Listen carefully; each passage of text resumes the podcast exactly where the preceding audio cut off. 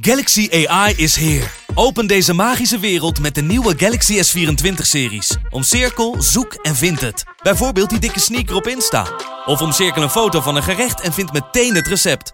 Op zoek naar wat liefde over de grens? Met ChatAssist als tolk is jouw liefde grenzeloos. Maak vlijmscherpe foto's en bewerk ze als een pro. Met Photo Assist verwijder je al het ongewenst uit je foto, zoals lelijke reflecties of je ex. Bestel de Galaxy S24-series nu op samsung.com.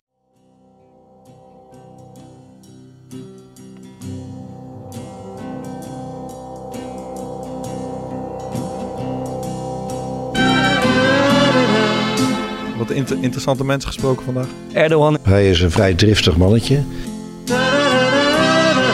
Alessandro Del Piero, Guus Stil, Francesco Totti, Elvis Manu. Voor de rest is het allemaal maar uh, gouden middelmaat. Hè?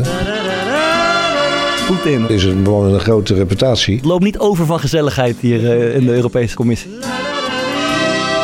Frans Timmermans. We moeten ook niet overdrijven. dat slaat nergens op. Wat een afschuwelijke onzin is dat. De vader van Morten Torsby heb ik een paar keer gezien. Is het heel raar dat ik dat niet geloof?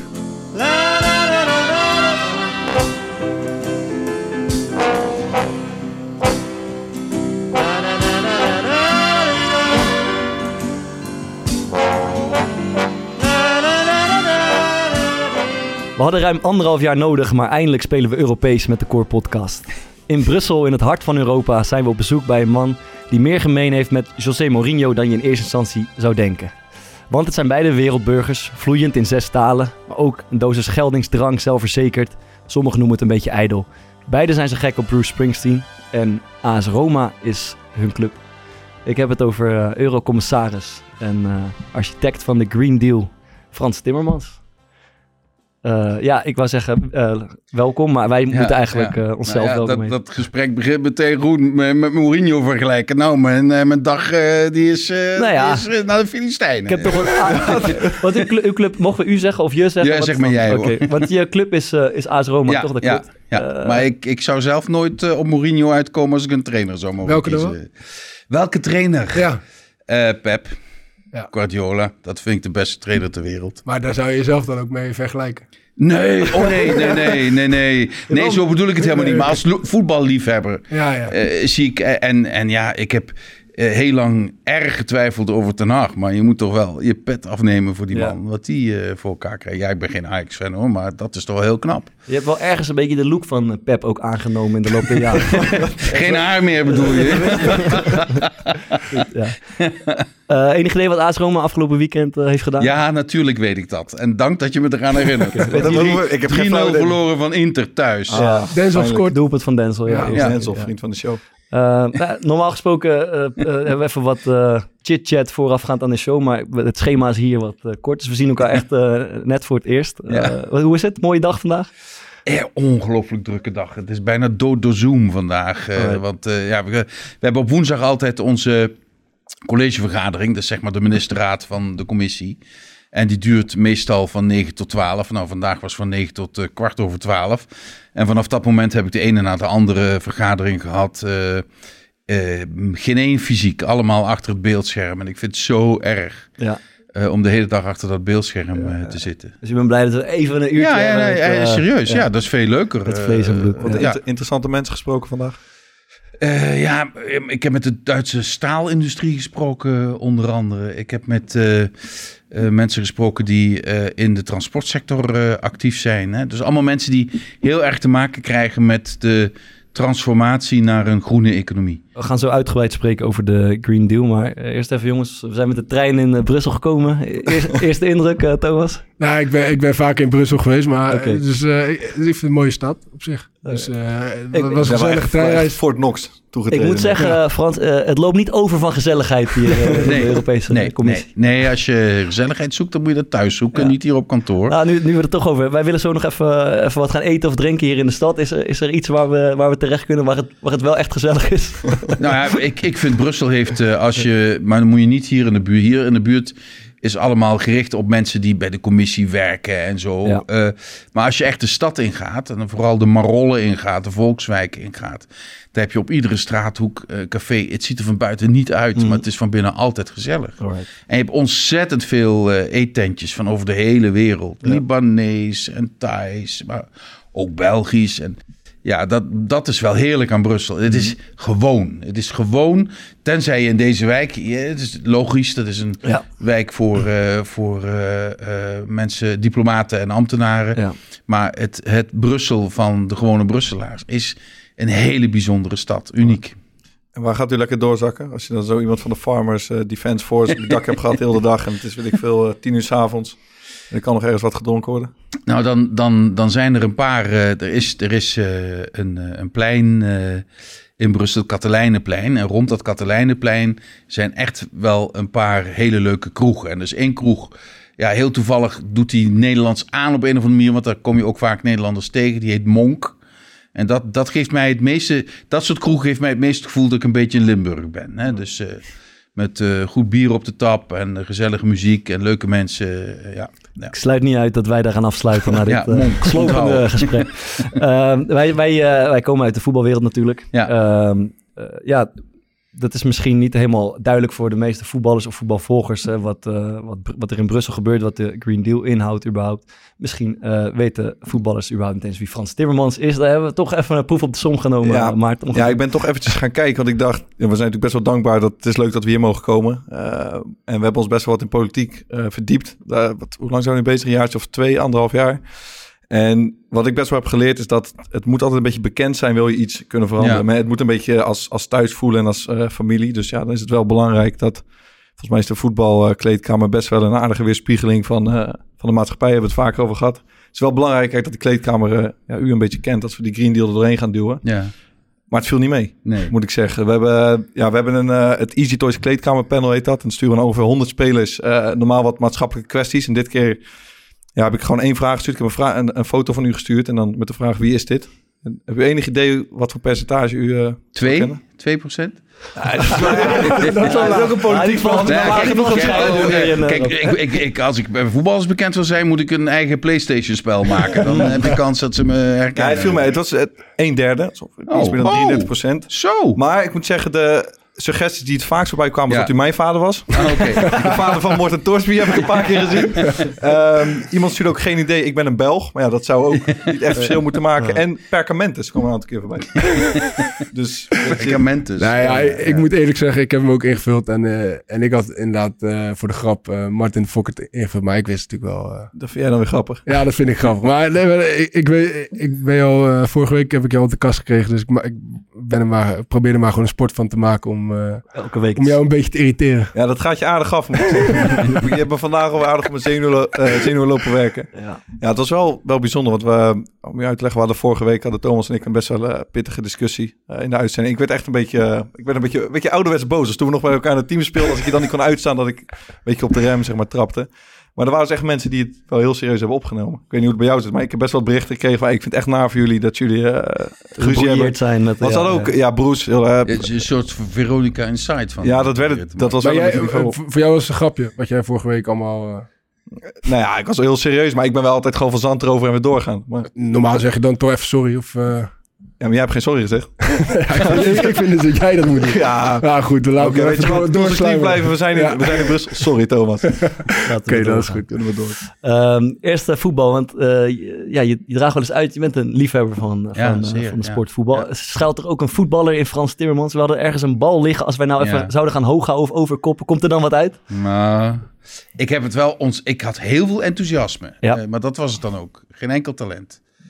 Nee, ik had, het, talent dat ik had was, ik kon heel goed pasen. Ehm, maar ik ben veel te langzaam. Eh, en dan zeker op... Dan kan je gewoon met Sparta achterin spelen. en- of dat- Ja, o- o- o- of nog rechtsbuiten. Zo heb ik het ook een paar Nee, jaar maar ik speelde eh, meestal, ik speelde meestal rechtshalf. Want ik had, omdat ik, ik deed heel veel aan wielrennen. Dat heb ik Ja. wel op vrij hoog niveau gedaan. Ehm, eh, dus ik had altijd eh berenconditie. Ja. Eh, dus ik kon eh, goed op middenveld eh sjouwen. Ja. En ik kon eh, af en toe goede paas geven. Maar ik vind, kijk, bij, bij de, de beste voetballers, die hebben ehm, eh, de techniek om met veel snelheid op de eerste meters overzicht te hebben, zodat ze dan de, de bal eh, goed weg kunnen zetten. Dat is voor mij een goede voetballer. Nou ja, ik ben gewoon, ja, eh, als je mij 1500 meter laat lopen, gaat het nog wel. Maar de 100 meter, dat doe ik een half jaar over. Dus eh, dat, dat, ja, dat, dat, dat wordt dan niks met voetbal. Maar ik had niets liever gewild dan een grote voetballer. Ja. Dat was mijn absolute droom. Voor, voor welke club? Wat, wat- wat stelde je voor bij die droom? Nou ja, ik heb, ik heb eh, als teenager in Rome gewoond. Ja. En ik wilde graag in de spits bij AS Roma voetballen. Ja, ja, Eh, er speelde op een gegeven moment ook een Vuller eh, en zo, dat soort volk. Eh, maar eh, ik, ja, dat, dat leek me het mooiste. Rudy er Vuller was het idool van Frans Nee, Timmerman. nee, nee, nee, dat nee, nog- nee. Dat kan toch niet? dat ook weer Dat niet. Limburg Nee, toch Falcao- Duitsland te zijn dan. Falcao was mijn, Falcao, eh, was mijn idool. eh, Falcao, ja. Dus dat had ik graag gewild. En, en ja, eh, eh, mijn eerste voetbalervaring waren ook bij Roda.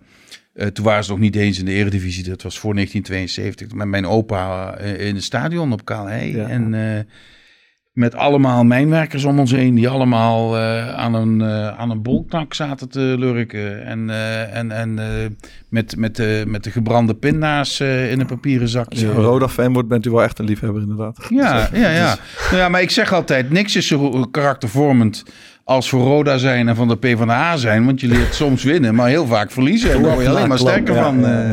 Ja, Geharnast man zit hier.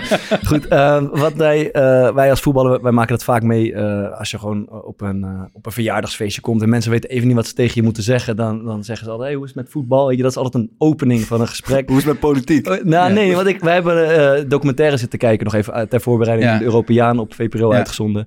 Eh, en ik zag aan, aan, aan jou, mag jou zeggen, eh, dat je dat ook steeds gebruikt. Hè? Want je hebt de grote der aarde, een handje schudden met Merkel, dan met Macron, dan met de koningen. En vaak hoor ik een soort tussenzinnetje van, heb je het voetbal nog gezien? Wat heeft Ja. Real Madrid gedaan? Eh, hoe Ja, is het daarmee? ja. Is, dat, is dat tactiek of is dat... eh, nee, nee, dat? maar dat is. Kijk, als je voetbal in de politiek gebruikt als een instrument, omdat je denkt dat is handig, dan val je meteen door de mand. Ja. Dat werkt alleen als het oprecht is. Eh, eh, en eh, ik heb dat vaker gezien, politici dan denken, oh, ik ga ook even bij de voetballer. op.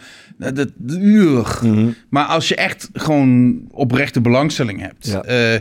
dat wordt ook gezien door andere mensen met oprechte belangstelling. En ja, we hebben het al over Italië gehad. In dat land is voetbal niet alleen maar voetbal. Het is een, bijna een culturele en sociale plaatsbepaling, Ja. wel wat jouw club is. Hè, omdat Italië is ook heel erg een land van de regio's Ja. als je uit een bepaalde regio komt, dan word je geassocieerd met een club. Zijn maar een paar clubs die zeg maar, nationale uitstraling Ja. hebben. Ik zal de naam niet noemen hier, maar ze spelen met een wit-zwart shirt. En voor, de rest, en, en, en, en voor de rest is het toch echt regiogebonden. En in Rome is het nog veel meer Ja. met de cultuur verbonden. Of Ja. je voor de ene of voor de andere club Schets ik, het, sch- schets ik het heel grof als Lazio een beetje de club van de fascisten is. En eh, wat, wat maakt dat AS Roma dan? Ja, AS Roma is altijd de club van het centrum geweest en van de arbeidersklasse altijd een, zeg maar, een linkse club geweest. Dat geldt al lang niet meer hoor, Mhm. want van beide clubs heb je radicalen waar, waar, je, waar je niet mee in aanraking eh, wenst te komen. Daar moet ik eerlijk over zijn. Maar traditioneel dat werd, Lazio is van de regio en de buitenwijken. Ja. En dat werd vooral met, met, eh, eh, met eh, eh, fascisme geassocieerd. En dat, dat, dat, dat blijft nog wel een beetje. Ja, je kent de vrouw van Di Canio en Ja. Hitler goed en zo. Ja. Dat is, eh, Ja. ja. Alright.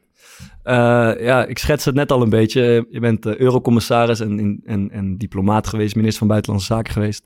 Eh, en in die hoedanigheid, ja, het is, het is verbazingwekkend als je die documentaire ziet. Je komt echt overal ter wereld en met alle ja, kopstukken waar we eh, op, op wereldniveau mee te maken hebben. Eh, w- ja, we vroegen ons eigenlijk af, wordt dat ook ooit ergens een beetje gezellig? Eh, Ja. eh, wordt, er, wordt er ergens gelachen? Is het, is, ja, maar is het zijn ook leuk alleen maar mensen. Ja, maar we hebben het ook over mensen. Erdogan en Poetin. eh, voor- Ja, ja, nou, daar wordt niet gelachen. Nee, wordt er niet mee- daar valt er niet mee te gelachen. Nee. nou ja, je, je, je moet wel ook met die mensen een relatie opbouwen. Ja. Ehm, En hoe doe je dat dan? En, en dat doe je, nou, als je, kijk, in mijn vak, als ik, mijn, als ik diplomatie dan als een vak zie, je bent pas effectief als jij je beter in de ander kunt verplaatsen dan de ander in jou. Want dan weet je precies wat die ander wil. Wat en, en dan moet je, om je in een ander te verplaatsen, moet je er wel belangstelling voor hebben. Ehm, en je moet iemand ook een beetje aan kunnen voelen. Nou, belangstelling, dat, ja, dan ga je van tevoren studeren. Wat is dat voor iemand? Wat heeft hij geschreven? Wat heeft hij gezegd? Wat, waar ligt zijn belangstelling? En dan ga je naar raakvlakken zoeken. Neem, neem Erdogan. Dat is, een hele moeilijke man om in gesprek te komen. Eh, en tegelijkertijd moet je weten, die man is ook enorm getraumatiseerd door de staatsgreep die hij heeft eh, eh, meegemaakt. Mhm. Nou, is ehm, eh, iemand begrijpen is iets anders dan begrip hebben voor. Mhm. Hè, dus dus dat, dat als je iemand bestudeert en je begrijpt hem, er zijn heel veel mensen die mij dan verwijten: ja, ja, ja, je gaat het goed praten. Nee, helemaal niet, maar ik begrijp hem wel. Daar heb ik er nog geen begrip voor, maar dan weet ik wel hoe ik daarmee om moet gaan als ik iets wil bereiken. Ja. En, en dus je moet, je moet proberen de ander te begrijpen, te doorgronden. En dan, dan kan je, denk ik, het meeste bereiken. Klein geintje uit de voetbalkleedkamer eh, valt niet goed bij. Nee, nee, nee. nee kan, maar- kan niet ineens eh, even naakt voor de camera verschijnen of. Nee, maar om, om, een, om een voorbeeld uit voetbal, voetbal te geven. Ehm, ehm, op een gegeven moment eh, belt eh, Martin van Geel mij. Die werkte toen nog bij Feyenoord. Feyenoord moest een, moest een wedstrijd spelen in Kiev. Ehm, en dat was nog niet zo lang na MH17.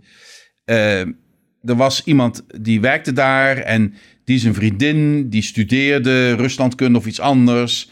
En die had gezegd tegen iemand die daar werkte, het is daar gevaarlijk. Eh, nou, die voetballers spreken met elkaar. En dus op een gegeven moment wilde eigenlijk, de selectie wilde eigenlijk helemaal niet gaan naar Kiev. Want dat was gevaarlijk. We hebben allemaal kinderen. En toen vroeg Martin van Geel, kan jij naar de kleedkamer komen, letterlijk naar de kleedkamer komen en dat eens even toelichten.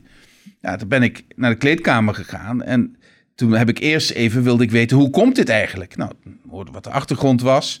En dan heb ik gewoon heel simpel uitgelegd hoe grote afstand was van Kiev tot het gebied waar het conflict eh, was. Eh dan heb ik uitgelegd dat het in Kiev rustig was. En heb ik ook gezegd: eh, kijk, als, dat jullie, als jullie denken dat het daardoor beter gaat, ga ik wel mee. Nou ja, dat waren allemaal dingen waardoor op een gegeven moment de, de spelersgroep zei: Oké, eh, eh, dan doen we het wel. Maar er waren een paar jongens in die spelersgroep. Die moest ik echt overtuigen. Want die hadden dan ook met anderen gesproken in de buitenwereld. En die hadden allemaal gezegd: Dit is gevaarlijk. Kreeg je, kreeg je vragen of opmerkingen uit Ja, die groep? heel veel Kan je vragen. iets van, eh, iets van herinneren? Nou, nou ja, van, maar ehm, eh, eh, er wordt toch oorlog gevoerd? Of, maar dat, dat kan toch in heel Oekraïne gebeuren? Maar in Kiev zijn toch ook dingen gebeurd? Nou, echt hele goede vraag. Ja. En, en het was echt heel fijn om daar ook op in te kunnen gaan. En dan ook ja, niet te zeggen, jullie moeten dit, jullie moeten dat. Maar gewoon uitleggen, dat is de situatie, zo maak ik het mee. En op dat moment denk ik dat meer dan een derde van de voetballers mij kent. Want er was een moment dat dat hele MH17-verhaal echt heel Nederland in zijn had. Op dat moment had ik dus kennelijk de, de, de argument of de overtuigingskracht om die spelersgroep daarin, eh, daarin mee eh, te krijgen. Maar het interessante vond ik ook, en daar komt dan weer dat menselijke aspect. Er waren ook, ook spelers in die spelersgroep die op dat moment zich niet helemaal happy voelden in de spelersgroep. Mhm. Eh, en en dat, dat zie je dan meteen in zo'n kleedkamer. En dat is de, de, de lichaamshouding. Of, en niet, niet, wel met hoofd schudden, maar niet, niet, niet praten. En dan, dan merkte je dat er dus meer aan de hand was toen. ehm, eh, dan alleen maar, eh, dan alleen maar dat, dat, dat Kiev-verhaal. Dus er zat een, een, een, een- Dat vind ik dan interessant als iemand die graag mensen observeert. Ik merkte dat er nog een andere dynamiek eh, eh, onder zat. Dat is- Feyenoord stond er slecht voor of er was ge- gerommel in de ploeg? Of Ja, maar ja, wanneer is dat niet? Nu is dat niet bij Feyenoord, maar Ja, over is- over Feyenoord supporters. het, eh, uniek. En hoe is het Feyenoord vergaan sinds Frans Timmermans eh, zijn vaderlijk heeft toegesproken? In nou, ze, show? hebben die wedstrijd, ze hebben die wedstrijd in elk geval in, eh, in eh, het Dynamo-stadion in, eh, in Kiev gespeeld. Ja. Eh, en eh, Gewonnen. Eh, dat, eigenlijk, nee, volgens mij gelijk gespeeld, maar ik weet het niet. eh, is niet echt sprake van een Frans Timmermans effect. Nee. Nee, maar was, was, dat niet, was dat niet tegen een tegenstander die ook uit een... Die kwam uit eh, Lugansk, die ja, kwam ja, uit precies. het oosten. Ja, maar, ja, ja. Maar, maar ze speelden in Kiev, want ze konden aan het oosten helemaal niet... niet eh, En dat was, dat was toen... eh, hebben ze thuis hebben ze dat beslist, toch? Tegen Soraya Luhansk was dat? Hè? Was dat niet met eh Elvis Manu? Dat die ja, ik denk het wel, was ja. ging? ja. Eh, misschien voordat we verder gaan over het onderwerp, is iemand die nog wat kwijt wil? Ja, ik heb wel één dingetje nog. Ik heb natuurlijk vorige week... eh, we hebben één eh, rubriek in de podcast. En dat is een beetje mijn rubriek. En Bart heeft zijn handen van afgetrokken. Waarin we... Ik ben gestopt afgelopen zomer met voetballen. En noemen we de, het, het, het ruilspel. Waarin Ja. we met een keepershandschoen voor mij zijn begonnen. En tegen een andere oud-prof zijn we gaan ruilen. Eh, en nu heb ik... Dat was een beetje doodgebloed. Maar ik heb het vorige week weer een, eigenlijk een beetje een nieuw leven ingeblazen. Dus we hebben nu de voetbalschoenen van Guus Til. Waar die, eh, is Feyenoord, misschien niet de juiste club. Waar hij acht doelpunten mee heeft gemaakt. Eh, maar ik vroeg me af, heeft u niet iets leuks in aanbieding voor ons? Nou, Feyenoord trouwens, eh, er is geen... eh, ik ben geen Ajax-fan, dat geef ik eerlijk toe. Maar voor de rest, ik heb niks tegen Feyenoord of zo. begin. maar Nergens wat tegen, behalve Nee, Ajax. nee, nee, nee, nee, ik ben er gewoon geen Ja, fan dat- van. nee, ik vind het mooi. Ik, Ik ben er gewoon Dat in de voetbalkleedkamer zou je zeggen, En, je bent en dan, tegen. weet je, dan zit ik zoals gisteravond te kijken en dan... Ik, ik bewonder ze. Nee, ik bewonder ze. Nee, weet je wel, dat gevoel, ken je dat? Ah, ja, ja. Dat- Ja, dat, ja, ja, ja. The club, the club you hate to love. Eh, Snap je dat? Dat ja. heb ik, het gevoel heb ik bij Ajax. Ah, the club you hate to love. Je bewondert ze eigenlijk, maar je mag het niet van Nee, jezelf. you geef je hate jezelf een to tik. love them. Dat is het bij, but you love them. Dat, is, dat, Ja. dat moet ik Ja, eerlijk voilà. toegeven. Ja. Maar, maar, nou ja, ik kan er, ik, ik- eh, ik kan er wel iets tegenover eh, zetten als je wil. Want ik zie dat het uiteindelijk voor goed doel is. Ja. Ik heb nog een paar schoenen van Francesco Totti. Kijk eens. Natuurlijk, eh, nou wil ik een keer ongevaar. Nou wil ik het horen. Als ik dan wat regel. Ja, ja, maar- Eindelijk komt de schot in de zaak. En Ja. nu praten we ergens over.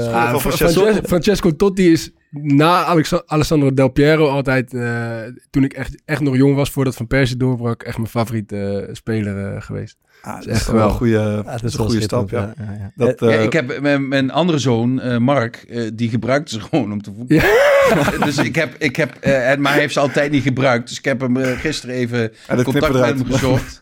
Eh, eh, heb je ze nog? Ja, ja, ja. Ik zeg nou, eh, wat vind je ervan als we ze inzetten voor goed doel? Prima idee. Eh, dus eh, als je wil, kunnen we dat... Top. Waren ze een beetje zoals de wondersloffen van, eh van Shaki? Heeft hij de, eh, ging hij er beter door presteren doordat hij op de schoenen van Totti Nee, speelt? dat denk ik niet. dat denk ik niet. Maar, maar ik was op Trigoria, dat, maar dat is al jaren geleden. Trigoria is het trainingscomplex van Ja. Roma. En, eh, en daar was hij ook. En we hadden zo'n gesprek. En dat was toen nog de familie Sensi die daar... dat was toen nog in handen van een Romeinse familie, die club. En eh, toen eh, zaten en had hij een shirt voor me geschreven voor minister Timmermans. En, eh, hè, wat heel aardig was. En eh, ja, hij zag dat ik dat heel leuk vond om te krijgen. Inmiddels heb ik tien van die shirts. Want iedere keer denken ze dat Timmermans vindt het heel leuk om een shirt van Totti te krijgen. En toen, toen zei hij, wil je een paar schoenen van me hebben? Oh, ja. Toen kreeg ik met dozen en al, kreeg ik een paar schoenen van hem. Ja, mooi. Ja. Ja. Maar toch, ik, waar speelt Totti op? Ik, uh, Umbro Champo's, of zo? Nike Champo- Champo's. Oh, ja. Dit, dit, dit, was, dit was volgens mij met zo'n ehm, Met zo'n ik. Italiaans, Italiaans merk. Lotto. Lotto zou ook. Ja, ik weet niet of een. Ja, het is, nou ja, je zult wel zien. Dus, eh. Heel mooi. Leuk. Eh, kijk, ja. de- Vriendelijk bedankt. Dan kunnen we wel weer... we kunnen Guus ook nog even bedanken, maar hij is wel overtoept. door- Totti, laten we eerlijk zijn. We zaten toevallig van de week met Guus Stilhef. Toen zeiden we dat we met Frans Timmans gingen opnemen. Dus toen vroeg Bart van Guus, wat moeten wij nou Frans Timmans vragen? Toen zei hij eerst helemaal niks. Ik weet het niet. Maar vervolgens toen we dat gesprek een beetje op gang kwam, eh, was hij ook over Poetin. Je moet over Erdogan vragen en over Ja. de Chinezen, weet ik het allemaal. Ja, Maar- gaande- hij heeft toch een beetje input gegeven uiteindelijk. Ja. Goed, ehm, eh, ja, de Green Deal is, is eh, ook waar het over gaat. Ehm, eh, ja, ik kan het proberen uit te leggen, maar misschien is het beter om aan jou te vragen. Kan je in één minuut uitleggen wat de Green Deal inhoudt en wat jouw rol daarin is? Nou, kijk, op dit moment stijgt de temperatuur door menselijk handelen te snel. De temperatuur is 1,1 graad gestegen ten opzichte van de tijd voordat we industrie hadden. En als we zo doorgaan als nu, gaat die heel snel naar 2, 3, 4 graden. Bij 1 graad stijging zie je al allerlei natuurrampen ontstaan, et cetera, et cetera. Nou, wat, en het komt door menselijk handelen, dus moeten we menselijk handelen veranderen. Wat betekent dat concreet? We moeten stoppen met de uitstoot van CO2 en andere broeikasgassen. Eh nou hebben wij een plan gemaakt dat we tegen 2050 geen broeikasgassen meer uitstoten. Ja. Maar om daar te komen moet je ook een plan maken hoe je dat stapsgewijs gaat doen. En in dat plan hebben we gezegd, dan gaan we tussen nu en 2030 de uitstoot met 55% minstens eh, verminderen. Ja. Nou, om dat te doen moet je van alles veranderen. Hoe je rijdt, hoe je woont, hoe je werkt, hoe je de industrie produceert, et cetera, et cetera. Nou, dat plan hebben we nu op tafel Ja, gelegd om ja, dat ja. te krijgen. om En het is zo dat wij als mensheid ongeveer verslaafd zijn aan die eh, fossiele brandstof. En alles is verweven eh, met het ver- verstoken van dat. Dus de opgave is enorm, dat kunnen we wel stellen. Het, het- het is de grootste opgave waar de mensheid ooit voor gestaan heeft. Want we zijn begonnen 200 jaar geleden om onze hele samenleving op te bouwen met kolen. Ja. Met het element C. eh, als je het eh, via het periodiek systeem wil bekijken. Ja. En die kolen, later olie en gas, zijn het fundament van onze hele samenleving. Van alles wat we verdienen, hoe we werken, et cetera. Ja. En dat fundament moet veranderd worden. Het kan ook wel, maar het is wel een fundament dat je verandert. En dat is toch wel heel erg ingrijpend. Ja. En ja. Wat gaat dat concreet met zich meebrengen voor Jan Modaal in, laten we zeggen, 2035? Nou, dat betekent eh, voor Jan Modaal in de eerste plaats eh, dat hij eh, uit een auto moet die vervuilt naar een auto die niet vervuilt. Naar een elektrische auto waarschijnlijk. Of eentje op waterstof. Het betekent dat we onze woningen veel zuiniger zullen moeten inrichten, zodat ze veel minder energie verbruiken. Dat kan ook, maar dat zijn ook nogal ingrijpende veranderingen. Dat betekent ook dat heel veel mensen ander werk zullen hebben in de toekomst, omdat ook onze industrie eh, verandert. En zo zijn er een paar. Dat betekent ook dat je anders verplaatst. Als je op reis gaat, korte afstanden, vaker met de trein in plaats van met het vliegtuig. Dat soort veranderingen. Dat is allemaal niet eh, eh, enorm ingrijpend, maar het is wel allemaal anders. Ook wat we eten, daar zullen we meer op moeten letten. Misschien moeten we weer eens, net als onze grootouders, nadenken. Het is wat vaker dingen uit de buurt eten, dus seizoensgebonden groenten. Misschien wat minder vlees eten. Dat zijn allemaal dingen die we kunnen doen, zonder dat we enorm moeten inleveren op de kwaliteit van ons leven. En tegelijkertijd, zeg maar, naar, die, eh, naar zo'n klimaatneutrale samenleving toe werken. want bijvoorbeeld vandaag, wij zijn met de trein gekomen nu. Ja. En dat kostte ons 235 euro volgens mij met z'n drieën. Ja, Voor een enkeltje. Ja, dat is erg duur vergeleken met de auto. Maar Ja. worden daar bijvoorbeeld, wordt daar ook dan concreet aan gewerkt? Dat zoiets veel ja, we moeten, ja, zeker. We moeten echt. Maar het is ook een kwestie van vraag en aanbod. Eh, die trein zit zo vol, die kunnen ze permitteren om die prijs te vragen. Dus er moeten meer treinen komen. Er moeten ook betere treinverbindingen komen. We moeten ook zorgen dat die kaartjes goedkoper worden. Vliegen. Eh, je, er, er gaan nog vijf vliegtuigen eh, per dag van Brussel naar Amsterdam, van Amsterdam naar Brussel. Dat slaat helemaal nergens op, omdat er ook een gewoon een snelle treinverbinding is. Maar we moeten het wel makkelijker en, en toegankelijker maken eh, voor mensen. En hoe, eh, hoe, st- hoe staan we ervoor eigenlijk op dit moment? Eh, nou, beroerd. Ja. Ja, beroerd. Ehm, eh, want ehm, eh, de temperatuurstijging zet door. En we worden iedere keer weer verrast met de nieuwe wetenschappelijke inzichten. Die zijn iedere keer weer somberder dan de vorige. Dus dat is beroerd. Eh, maar, eh, eh, dat is dan de andere kant van het verhaal. We kunnen het nog goed maken. Het is nog, we hebben nog tijd. Als we nu beginnen met echt optreden, echt handelen, kunnen we het nog goed krijgen. En dat is eigenlijk de kern van ons voorstel. Het kan nog, het kan nog. Maar we hebben echt geen tijd meer te verliezen. Het, het kan nog ten opzichte van, eh, van wat? Ik bedoel, eh, Nou ja, kijk, eh, je, ziet, je ziet toch nu al effecten van... het, is nu van- al van- heel, ja, het is nu al heel erg. En je ziet, je ziet het weerpatronen die totaal onvoorspelbaar zijn. Ehm, ik heb een collega hier die, die, die met mij samenwerkt. Die heeft net als ik ook een dochter van 15. Haar naam is Rosa. Die was in een zomerkamp ehm, in de Ardennen. En daar is die, hè, die statische regen, die enorme Ja. regen die op één plek is, eh, allerlei overstromingen. En dat meisje is meegesleurd en verdronken. Dus ik heb hier een, een, een goede collega, die heeft haar dochter van 15, Rosa. eh, die moet ze missen. En dat is echt een direct gevolg van de klimaatverandering. Ja. en, en dat is maar één persoon. Eh, er zijn heel veel meer mensen die wereldwijd nu slachtoffer zijn van hoe het er al voor staat. Als dat doorzet en die temperatuur stijgt nog verder, dan zijn er hele delen van de wereld die onbewoonbaar Ja. worden. Als je in Noordwest-Canada nu al 50 graden haalt, stel dat het ergens 60 graden is, dan kun je niet overleven. Dus gaan mensen wegtrekken. Dus dat levert ook weer spanning op. Oogsten gaan mislukken. Dus is er te weinig eten. Dan gaan mensen ruzie maken over eten. En ik blijf erbij, als wij nu niet handelen, dan veroordelen we onze kinderen en kleinkinderen ertoe dat ze met andere mensen van hun generatie oorlog gaan voeren om water en voedsel. Dat moeten we voorkomen. En het, het, Dus zeg- dat, dat is te voorkomen, zeg maar. dat is te voorkomen. ja. Maar, maar als we niks doen, gaat het wel gebeuren. Ja. En er wordt altijd tegen mij gezegd, je maakt het dramatisch. Maar ik ben er heilig van overtuigd dat dit ons te gebeuren staat als we niet optreden. Maar als we optreden, kunnen we het ook voorkomen. Ja, dat, dat, Maar- dat vind ik het moeilijkste van die, van die problematiek. Dat is als je erin verdiept, dan, eh, dan word je daar echt, echt heel somber van. Ja. Dus, eh, Ja. ja. Want ik, ik snap heel goed in, u, eh, of in jou, ik zeg het u, in jouw rol, dat dan is het logisch dat je eh, toch ook wel die boodschap blijft van als we nu iets doen, dan gaat het lukken. Maar ik vraag me af als u je met een van je beste vrienden zit met een biertje erbij en die vraagt serieus Frans, gaan we het nou redden? Ja, gaat gaat gaat heel het de goede kant op? Nee, maar, Zeg, maar denk- ja. Ja, zeg Nou ja, ja, ik, nee, maar ik heb ook wel momenten dat ik somber ben. Natuurlijk. Eh, dat ik denk van, waarom, waarom is het zo moeilijk om iedereen te overtuigen? Eh, waarom, waarom... eh, kijk, ik denk, ik denk heel eh, sterk... Onze grootouders, mijn grootouders, misschien jullie overgrootouders... Die hebben de Tweede Wereldoorlog meegemaakt. Die zijn eruit gekomen en die hebben gedacht: wij moeten de boel weer opbouwen.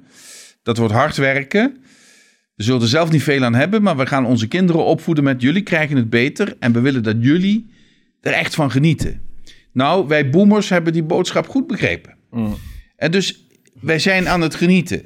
Maar genieten, wat is genieten als je in je achterhoofd hebt dat mijn genieten, mijn grenzeloze genieten, ertoe leidt dat mijn kinderen en kleinkinderen het straks zo moeilijk hebben? Dan houdt dat genieten voor mij wel snel op. Waarom zouden zij niet recht hebben op hetzelfde als wat wij van vinden dat wij recht op hebben?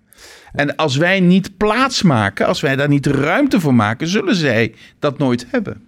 Wat volgens mij met dit onderwerp wat mij altijd zo opvalt is wat, wat, je, wat je schetst en wat de, wat de scenario's en de gevolgen zijn, dat weten we eigenlijk allemaal al. En dat weten we ook eigenlijk al 30 jaar.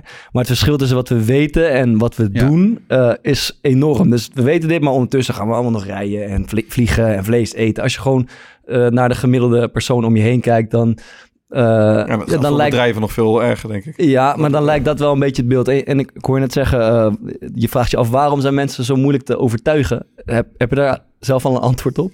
Nou, ik denk dat ook heel lang eh, iets is van. ehm, kijk, met, met die COVID kwam wel iedereen in beweging. Ja. En waren bereid alles te doen. Maar dat medisch vergelijk ik dat altijd met een hartaanval. COVID is als een hartaanval. Als je niet optreedt, dan ga je dood. Dus je moet handelen. Die klimaatcrisis, dat heeft veel meer net iets van, van eh, hoge bloeddruk. Eh, je kan heel lang kiezen om dat gewoon te negeren. Uiteindelijk ga je er ook dood aan als je het negeert. Als je niet je levensstijl verandert. Maar je kan wel heel lang net doen alsof er niks aan de hand is. En dat is ook wel een beetje aan de hand met de klimaatcrisis. Het is zo groot. Ja, wat kan ik? Wat kan ik er nou aan doen? Ja. Wat kan ik met mijn beperkte middelen nou aan doen? Ik vind dat we er met z'n allen voor moeten zorgen dat we iedereen overtuigen. Ook jou, twee, drie stappen in de goede richting helpen ons om te komen waar we zijn moeten. Ook als jij eens wat minder vlees eet, als jij eens wat vaker eh, de fiets pakt, als jij eens eh, een keer met de trein gaat, eh, die 500 kilometer in plaats van een vliegtuig. Als jij eens kijkt naar eh, hoe je nog in je huis kunt investeren of eh, kunt zorgen dat het huis minder in. Die, dat soort dingen, dat helpt ons allemaal. Hoe communiceer je eigenlijk een boodschap vaak met spelers in je team? Die ze liever niet willen horen. Eh, liefst zo duidelijk en eerlijk mogelijk eigenlijk. En eh maar dat hangt er natuurlijk wel eh, compleet van de situatie af. Maar ik, ik, ik denk altijd dat, eh, dat duidelijkheid en eerlijkheid uiteindelijk zeg maar het belangrijkste is. En dan is het uiteindelijk aan de speler zelf of wa- wat hij ermee doet. Dus eh, je hebt natuurlijk voorbeelden gezien, in, waarschijnlijk ook bij je eigen team. En eh, de, de, dat wanneer jongens een boodschap krijgen van de trainer die ze niet willen horen, dat ze dan afvallen of eh, t- ja, te- tegen de draad worden, weet je wel. Maar ja, dan kan je op een bepaald, moment doorselecteren. Dat lijkt me als, als politicus toch lastig doorselecteren bij, Maar, bij jullie, populatie. maar jullie als voetballers, wat, wat, zijn, wat zijn de fijnste overwinningen? 8-0 van een hele zwakke tegenstander of 2-1 van een hele sterke tegenstander? Waar geniet je meer van? 8-0 is lang geleden. ik, er al, ik snak er al een tijdje naar. Maar, eh, nou, maar de meeste Nee, als- waar- sportmensen... Waar, waar meer spanning op staat. dat- ja, eh, de meeste sportmensen willen toch liever van een sterke tegenstander winnen. Ja. En, en zo vind ik, wil ik dit ook bekijken. Dit is ontzettend moeilijk. Ja. Maar het is natuurlijk veel leuker om iets moeilijks te doen dan om iets makkelijks te doen. Het is ook zwaarder, maar het geeft veel meer voldoening als je iets moeilijks voor elkaar krijgt. Dan, dan als je iets makkelijks eh, eh, eh, moet doen. En dit is het moeilijkste wat ik ooit heb moeten doen. Maar het geeft ook voldoening als we die stappen in de goede richting kunnen zetten. Ja. En dat is wat betreft, lijkt mij in de sport precies hetzelfde. Ja. ja, dat klopt wel. Ehm, eh, ja, je hebt, we hebben het nu over het communiceren van de boodschappen. Dat is ook een beetje eh, jouw rol, toch? Als, eh, Ja, als, Ik, ik hoorde Diederik. Samson zeggen dat hij de loodgieter was van de deal en dat jij de salesman bent. Ja, zoiets, eh, dat klopt wel. Ja. Ik ga even een klein fragmentje laten horen. Want eh, je bent ook al eh, bekend om verschillende speeches die je Mhm. hebt gegeven. onder andere in het verleden. Ik moet hem heel veel opzoeken. Ehm, en dit is er eentje van. eh, dit gaat over de Green Deal waar we het over hebben. En eh, daar komt ook naar voren dat, ja, dat je een eh, goede toon aanslaat. Ik laat hem even horen. Frans Timmermans sprak namens de EU en smeekte die landen zowat om hun verzet te staken. But for heaven's sake, don't kill this moment by asking for more text, different text, deleting this, deleting that. Everyone's been heard by the presidency over the last couple of months.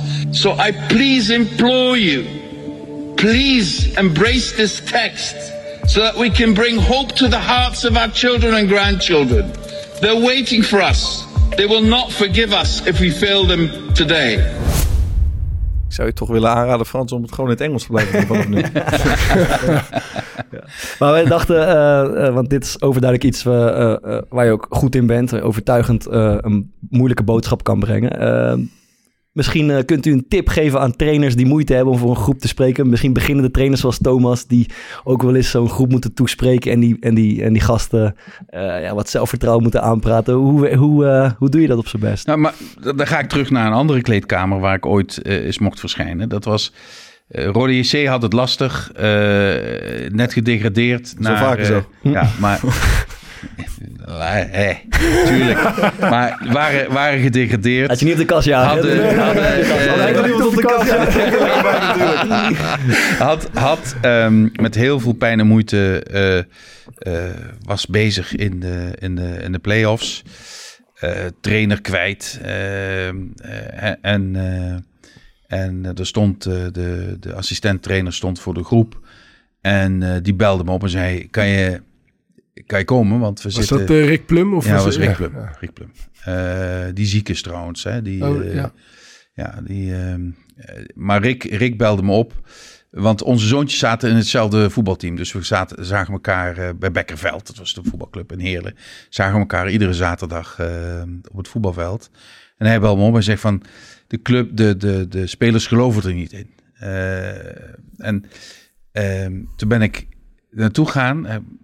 En heb ik tegen ze eh, gezegd... een speech gehouden. En heb ik gezegd... Hoeveel wedstrijden zijn het nu? Het zijn nog vier wedstrijden.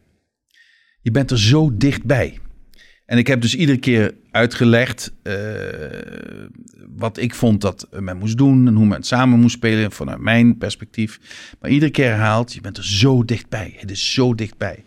En Anko Jansen, die toen eh, in het team zat, die pikte dat zo dichtbij heel erg op. En dat heeft, zegt hij, want achteraf zijn... Hè, Tegen NAC was bij dat, NAC, denk ik, eh, 2-1. eh, ehm, eh, eh, krankzinnige situatie. En achteraf natuurlijk groot feest op de markt in Kerkrade, waar ik ook bij was. En toen zat ik bij het publiek en toen riep Anko Jansen mij naar het podium, naar iedereen toe. Zo dichtbij, zo dichtbij. Dus, dus de motivering zat in het zo dichtbij. Ehm, met andere woorden, het is niet onmogelijk en het is zelfs dichtbij. En dat, dat, hij zei, dat motiveerde ons erg als, als spelersgroep. ja, het is maar een voorbeeld hoor. Maar dat was mijn manier eh, om, om in de kleedkamer te En, spreken. maar, en, en- en gewoon de, eh, als het niet eens gaat om over de inhoud van de speech, maar vooral de vorm. eh, ik bedoel, ik, ik heb best, best wel eens gedacht als je trainer wil worden en je wil eh, je spelers vlak voor de wedstrijd nog iets meegeven, dan moet je wel. Ik, iedereen kent die speech van eh, Al Pacino en eh Any Given Sunday. Weet- Ja, is eh, ja, dat, dat, dat moet je willen als trainer, zeg maar. Dat je dat kan. Maar dat zit niet per se in de inhoud, maar Ja. vooral in de, in de manier waarop je iets zegt. Eh, heb je daar wel eens eh, op geoefend? Of is dat gewoon een natuurlijk talent? Of hoe, eh? Nou, ik, ik, punt is, ehm, dat was met dit ook, wat je liet horen. Eh, oefenen, dat, dan wordt het niks. Het moet spontaan komen eh, bij mij. Deze, deze En- was gewoon spontaan, eh, Ja, deze speech. Ja, Is het heel raar dat Dat je dat niet, dat staat- gelooft? Dat staat niet op papier. nee, dat staat echt niet op papier. Nee, Joris Nee, zei nee. dat je daar voor de spiegel... Nee, nee, nee, nee, nee, nee.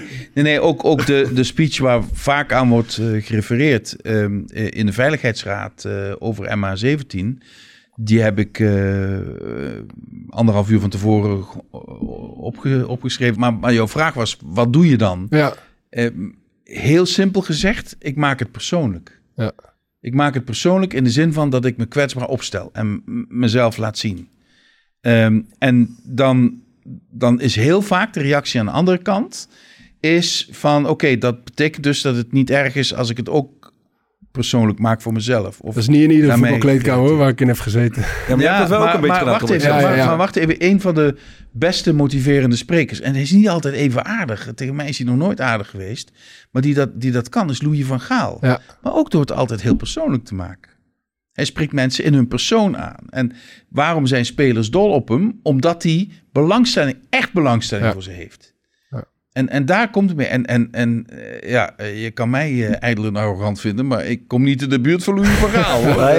je zegt, hij, hij is nog nooit aardig tegen me geweest. Heb je een akkefietje gehad met Van Nee maar, nee, maar hij is gewoon politici, weet je wel. Zo'n Ah. houding heeft hij dan. Ja. eh, Ik zie ook wel Louis van Gaal de Green Deal een beetje uitleggen. dat Ja, zou ik ook graag een keer willen horen. Nee, maar, maar het, is wel, het is wel een fantastische spelerstrainer. Hè? Ja. In de zin van dat hij het beste uit spelers naar boven... Ja, iedereen die wij hebben gehad loopt ook met hem weg, man. Ja. Die, eh, Ja, niet alleen uit spelers, maar ook uit teams. Dat is, Uit eh, teams, ja, ja, maar, dat, dat, maar ja. dat komt omdat hij het persoonlijk maakt. Ja. Omdat hij de speler als persoon ziet voordat hij vervolgens de speler ziet. Ja. En, en, en ja, ik kom erop nu ik, nu ik erover praat. Eigenlijk is dat ook mijn manier hoe ik met mijn counterparts, mijn collega's in het werk eh, omga. Eh, voordat ik de, de, de zakelijke politicus zie, wil ik de persoon zien. Ja. En, en via de persoon dan naar het zakelijke eh, toe gaan. Is dat een... Is dat Ja, dat is wel... eh, Wat- ja, ik Want wel. het, jij hebt het bij Excelsior ook wel een, beetje gedaan eigenlijk deze zomer. Want je vertelde dat jullie zo'n sessie hadden gedaan over normen en waarden. En daarin heb je toch ook een soort van jezelf kwetsbaar opgesteld. Eh, Ja. Dat het afgelopen jaren niet echt was hoe je wilde. En dat Ja, ja, kijk, we, we gingen iets doen wat, wat te maken had met, eh, met kernwaarden en normen, waarden en houding en gedrag. Dus, dus dat je daar met als groep eh, gewoon bepaalde afspraken over maakt en dat je bepaalt eigenlijk wie je bent en waar je naartoe wilt. Maar dan, als je daarmee aankomt bij een spelersgroep en, je, en je bent pas nog onderdeel geweest van die spelersgroep, dan is het ben je natuurlijk best wel Ja. kwetsbaar. Want Ja. Ik ken mezelf als speler en dan moet het wel raak zijn, anders word je gefileerd, zeg maar. Ja. Eh, dus waar ik ze mee probeerde te raken was dat ik het heel belangrijk vond dat zeg maar in deze sessie bepaalt eigenlijk dat je, dat je trots kan worden op het werk wat je, wat je doet bij Excelsior. En daar maakte ik direct de aantekening dat ik het hartstikke leuk vond om bij Excelsior gespeeld te hebben afgelopen twee jaar. Maar dat ik niet trots was op wat we daar deden, hoe we met elkaar omgingen, eh, eh, hoe, we presteerden. En dat zat hem vooral in die, eh, in die normen en waarden. En, en volgens mij werkte dat wel goed. Eh, en, en dat was ook, werd ook een leuke sessie. Dus, dus dat kwetsbaar opstellen. Thomas ik effect wel, is wel sprake van natuurlijk. Nee, nee, nee maar dat, dat slaat nergens om. Maar, maar, maar, dit- maar dat kwetsbaar opstellen, dat is wel mooi. En inderdaad, eh, persoonlijk maken. Ja, ik, ik vind het En in, in, een, in een teamsport hebben bij Roda, ook het jaar dat Roda degradeerde, waar er, was de kwaliteit van de spelers was echt prima om, Ja. om middenmoot Heb je eredivisie. toen ook voor de groep gestaan? Maar nee, dat, dat jaar niet. Eh, maar dat, dat wilde de trainer ook niet. Eh, Je hebt zelf Maar- wel gebeld. maar nee, nee, nee, nee, maar dat, er was meer afstand. Net zoals nu, nu is er ook een enorme afstand tussen mij en de club. Dat, maar maar ehm, eh, dan merk je ook dat als de groepsdynamiek niet goed is, dat ook de beste spelers niet presteren. Hè? Ja, dat is precies eigenlijk waar, waar... Want vorig jaar hadden wij hele goede spelers, vond Ja, ik. ik Alleen, presteerde ook eh, niet. Dat, is heel, eh, dat lag gewoon aan die groepsdynamiek bij ons. Nee, maar dat, dat, dat is wel echt... Ik denk dat het daar begint, zeg maar. Dat is de basis. Als je mensen hun kracht wil krijgen, dan, eh, dan, dan, dan is dat de basis. Dus, dus ja, meestal bij teams die niet goed presteren, ligt dat wel ten grondslag. En dan wordt er gezegd van, ja, we hebben geen kwaliteit, maar dat klopt meestal niet, eh, Nee. niet echt. Wat, wat misschien nog wel interessant is, eh, wat, kan de rol van voetbal zijn in de hele eh, transitie die we moeten doormaken? Van voetbal in zich, in zich heel. Ja, we hebben met, eh met UEFA een afspraak dat ze de Green Deal ook meenemen in hun. Want ik heb jaren geleden, jaren geleden met de UEFA ben ik al begonnen met de afspraak. Dat was toen tegen racisme. Eh, ehm, toen was ik staatssecretaris. Toen hebben we daar afspraken over gemaakt. Volgens mij is dat echt geslaagd. Ehm, en, en we hopen nu ook met een aantal spelers, met, met de UEFA, met ook andere ehm, eh, initiatieven vanuit eh, de sport, ook de duurzaamheid eh, onder de aandacht te brengen. Omdat ja, voetballers hebben gewoon de, in potentie de, de, de gelegenheid om heel veel mensen rechtstreeks te bereiken. Ook met normen en waarden. Want uiteindelijk gaat het hier om normen en waarden, om niks, niks anders. En dus ik hoop dat voetbal dat, dat kan doen. Je begon het gesprek met dat het voetbal als instrument gebruiken kan. Maar het is belangrijk dat het heel authentiek overkomt. Ja. Maar hoe kijk je dan zelf terug bijvoorbeeld op die spot die jullie nu hebben gedaan met eh Buffon? Was dat volgens mij? ja, ik zou hem niet gemaakt hebben. Nee. nee. Ik zou hem wel ik vind als je iets met ik- voetbal duurzaamheid wil doen. Ik ken een jongen vrij goed. Ja, jullie zaten laatst in een, eh, in, in Zoom-call met elkaar. Eh, ja, ben je, Ja. ken je hem? Ja, ik, heb, ik heb met hem gezoomd. Ja, ja, ik was erbij. Maar ik. Maar dat zal ik altijd hebben. Nee, maar, nee, maar dat, ik, ik ben, ik ben, ik, nu, nu, ben, nu ben ik je aan het plagen. Natuurlijk wist ik dat je erbij was. Ja, dat- dat gaat zij niet meer Hier jawel, smullen wij van. Jawel, jawel. heeft hij nog een paar goede vragen? de Jong. Siem de Jong Ja. was er ook bij, ja. Heeft Maarten nog een paar goede vragen gesteld in die, eh, in die Zoom-call? Daar kan me niks van herinneren. Ik was op ik was op de achtergrond. Notuleren was die. eh. Mocht de foto erbij. Nee, maar concreet, want eh, ik weet niet wat... Ja, maar dat is natuurlijk, natuurlijk veel effectiever als het vanuit de speler zelf komt... dan als het vanuit de UEFA komt, Ja. zeker in deze tijd. En hoe zie je dat dan concreet voor je? Wat, wat zou helpen? Wat zou werken? Nou ja, eh, ik- kleine dingen. Dus gewoon, eh, kijk, wat, wat, ehm, eh, waar ik nog zoekende in ben, eh, dat heeft ook met menselijk gedrag te maken. Je moet ook het goede voorbeeld geven. En een voetballer die het goede voorbeeld geeft, die bereikt ontzettend veel jonge mensen. En dat is eigenlijk het enige wat ik, wat ik vraag. Ja. En zoals hij die met nummer twee eh, speelt, dat, dat geeft hij. Dat, dat, dat, dat levert discussie op. Dat is het goede voorbeeld geven. En dan, dan, als je ook nog in je verdere gedrag het goede voorbeeld geeft, dan, dan, dan, eh, dan helpt dat. Volgens mij is dat het vooral. Dat je op plekken waar de politiek wilt komen, eh, kom je als voetballer denk ik wat sneller. Ja. Volgens mij is dat het belangrijkste. Gewoon een bepaalde sociale rol die je daar zeg maar in vervult. Ja. En dan is het enige wat je kan doen, is gewoon inderdaad het goede voorbeeld geven. Dat is met knielen natuurlijk net zo. Hè? Dat is het goede voorbeeld Oh geven. ja, ja. Knielen tegen... Tegen racisme. ja, ja, ja. Wat, wat nog wel interessant is, misschien eh, tot slot. ehm, eh, je bent ook minister van Buitenlandse Zaken geweest in Ja. Nederland. En we hebben afgelopen week is het nieuws gekomen dat eh, Amerika, de Verenigde Staten, eh, gaat de winterspelen in China eh, diplomatiek boycotten. Dus de diplomaten, de ministers gaan niet afreizen naar China. Eh, in het voetbal speelt zo'nzelfde situatie natuurlijk met het eh, komende WK in Qatar. Ehm, Frans Timmermans als minister van Buitenlandse Zaken, zou je, hoe kijk je tegen die situatie aan? Zou je afreizen naar Qatar of heb je daarover nagedacht? Daar heb ik nog niet over nagedacht. Ehm, eh, kijk, eh, op het moment... eh, je hebt een moment waarop je eh, de toewijzing van een WK kunt, eh, kunt beïnvloeden. Ja. Eh, als het eenmaal is toegewezen, ehm, ja, dan heb je nog een moment. Dan kun je als nationale voetbalorganisatie besluiten om er eh, wel of niet eh, aan mee eh, te doen. Dat is een ander besluit. Ehm, maar als dan de nationale voetbalorganisatie besluit om er wel aan mee te doen, wat moet je dan als nationale politiek daar ingrijpen? Ik denk dat het ook een kans is om in dat land te laten zien voor welke waarde je staat. Eh, en dat moet je dan niet op de schouders van de voetballers leggen, tenzij ze dat zelf willen. Maar als KNVB kan je eh, eh, laten zien wat wij bedoelen als we zeggen dat hier iedereen meedoet.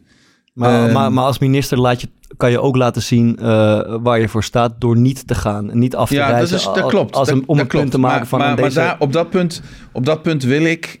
kijk, er komt een nieuwe Nederlandse regering. Die, is, eh, die heeft een mandaat op het moment dat eh, die, eh, de wereldkampioenschap is.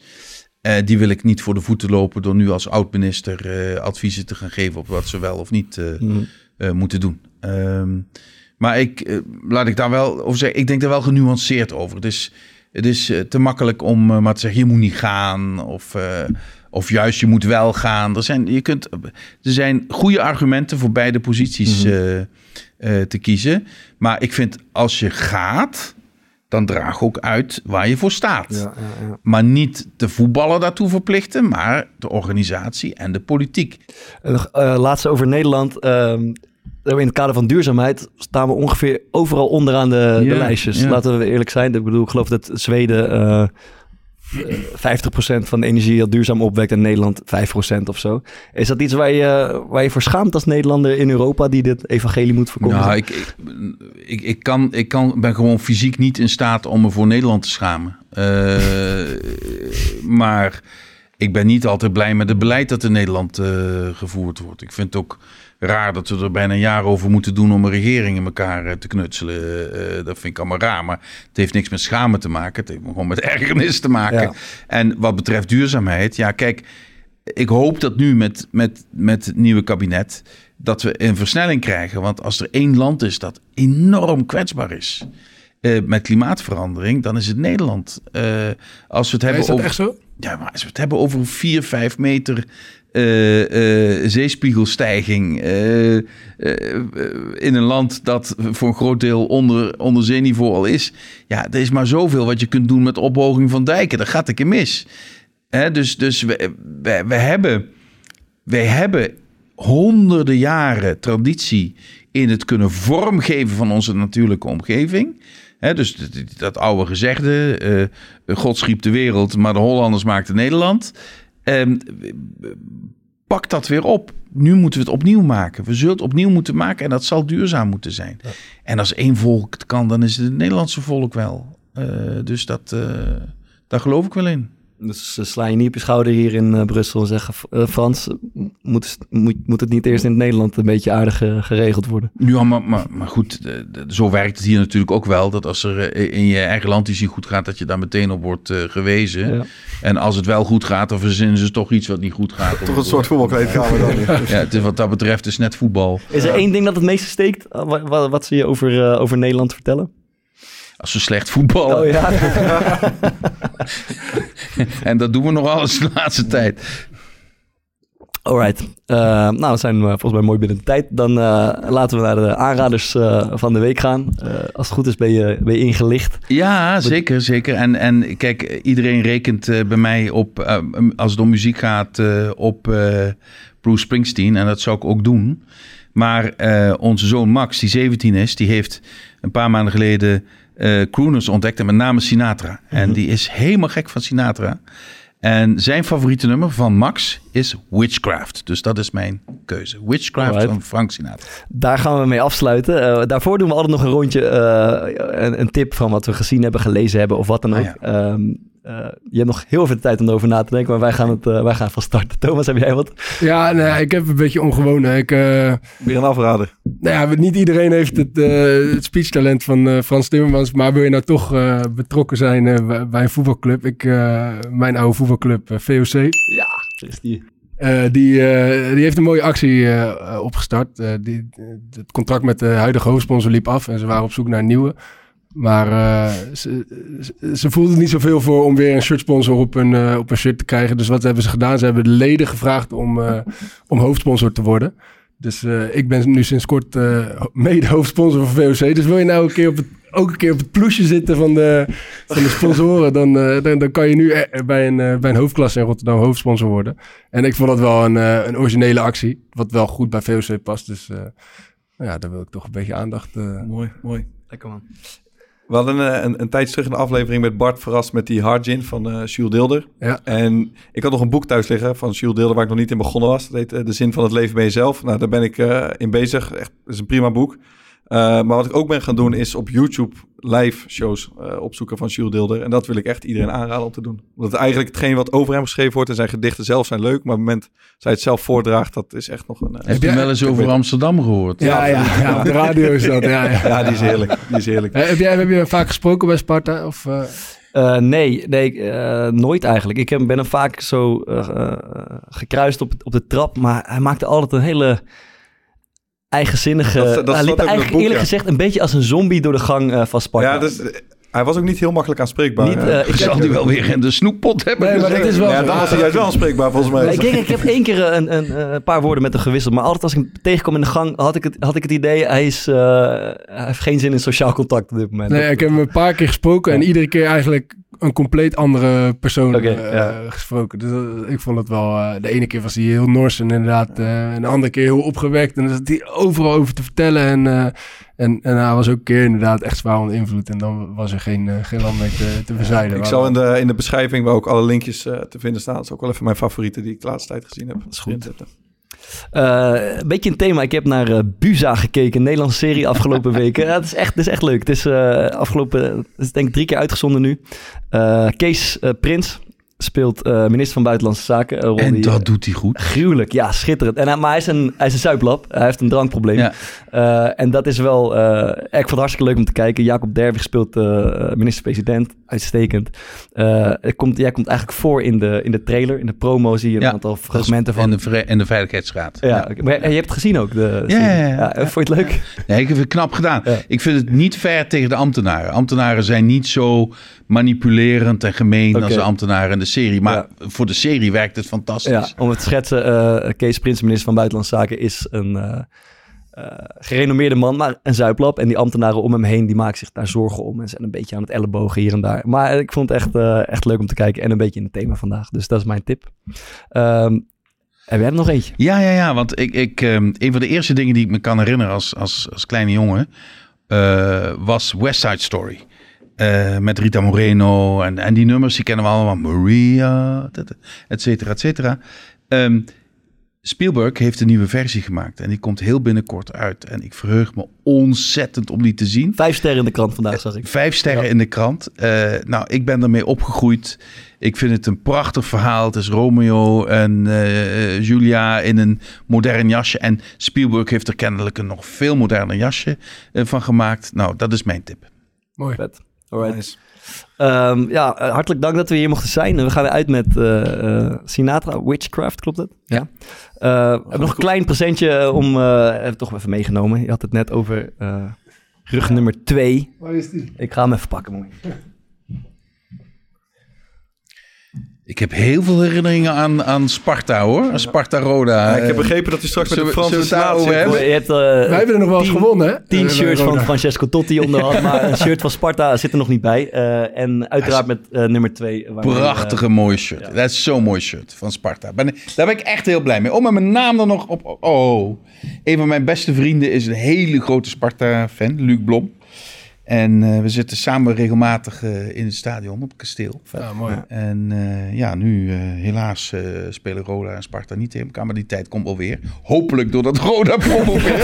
ik, denk, ik denk eerder dat Sparta degradeert als ik eerlijk ben.